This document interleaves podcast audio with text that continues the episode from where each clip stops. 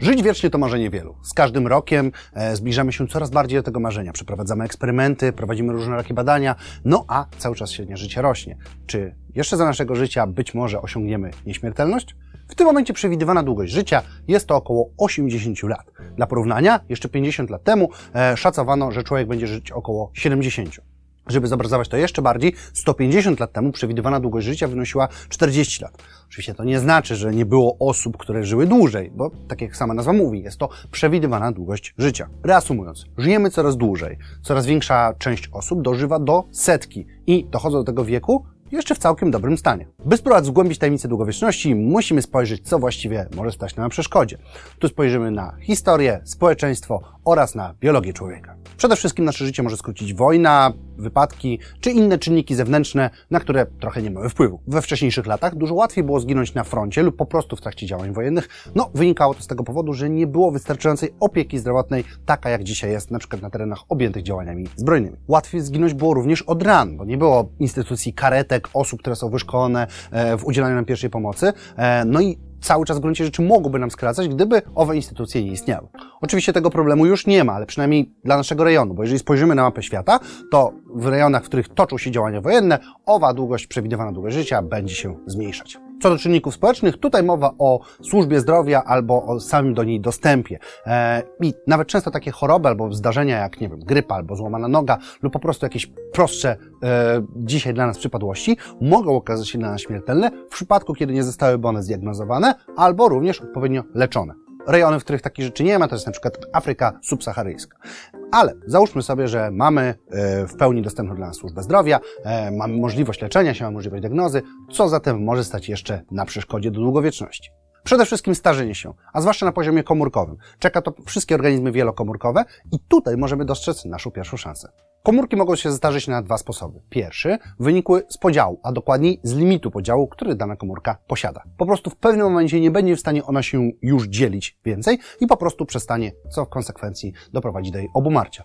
Drugi powód to starzenie przyspieszone, spowodowane stresem, onkogonami albo substancjami psującymi nasze DNA. Pozbycie się stresu, czyli na przykład pozbycie się owych onkogenów, które mogą powodować u nas raka, dodałoby nam dodatkowych kilka lat do naszej właśnie oczekiwanej długowieczności. Ale też są organizmy, które się po prostu nie starzyły. Dlaczego? No, tutaj sięgnijmy do definicji ze świata naukowego. Jak to w świecie naukowym bywa, są różne teorie.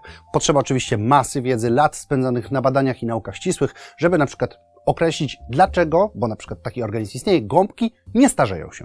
I puszczając tutaj wodze fantazji, gdzie gdybyśmy wiedzieli, e, dlaczego pewne komórki cały czas potrafią się replikować e, i nie zamierają dzięki temu, moglibyśmy potencjalnie przedłużyć nasze życie. Kolejną rzeczą, która pozostaje, to jest zużycie naszych organów, bo też nasze serce ma na przykład określoną ilość uderzeń, nasza wątroba ma swoją określoną przepustowość. Musimy więc zrobić coś, aby zużywały się wolniej albo w ogóle przestały. No i w przypadku tej pierwszego serca odpowiedź jest znana od lat.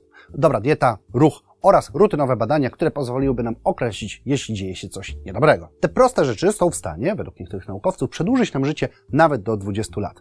Ponadto dochodzi jeszcze postęp w nauce i w całej medycynie, która może nastąpić w tym okresie. Mówiąc tu o nowych metodach leczenia, możemy na przykład powiedzieć o, e, wykorzystywaniu immunoterapii, bądź też komórek macierzystych, bądź różnych innych nowoczesnych metod e, nauki i leczenia, których na przykład nasi dziadkowie jeszcze nie znali. W niektórych zaś kręgach naukowych spekuluje się, że istnieje możliwość hodowania organów, zastępując te starsze, zużyte.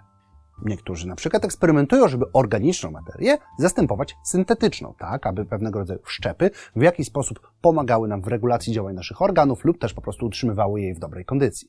Jest jednak jeden organ, którego wymienić nie możemy. Mowa to oczywiście o mózgu.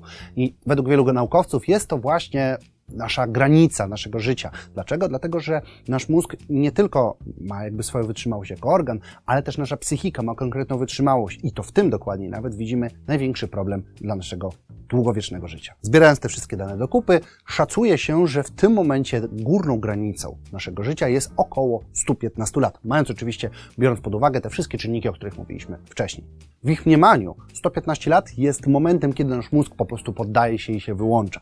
Jednakże są też głosy z drugiej strony, twierdzą, że powinniśmy szykować się na to, że być może w jakiejś przyszłości będziemy żyli nawet 150 albo i 200 lat. Część ze wcześniej wspomnianych badaczy uważa, że osoba, która dożyje 200 lat, już w tym momencie jest na świecie. I być może to jest tylko i wyłącznie kwestią czasu, kiedy realna długość życia zacznie się faktycznie zwiększać. Nasze życie zdaje się nie mieć jednolitej daty końca i przedłużać je możemy, na przykład zdrowym trybem życia, regularną profilaktyką czy też badaniami, licząc na to, że wraz z rozwojem naszego życia medycyna będzie cały czas szła do przodu i będzie pomagała nam w owym przedłużeniu życia.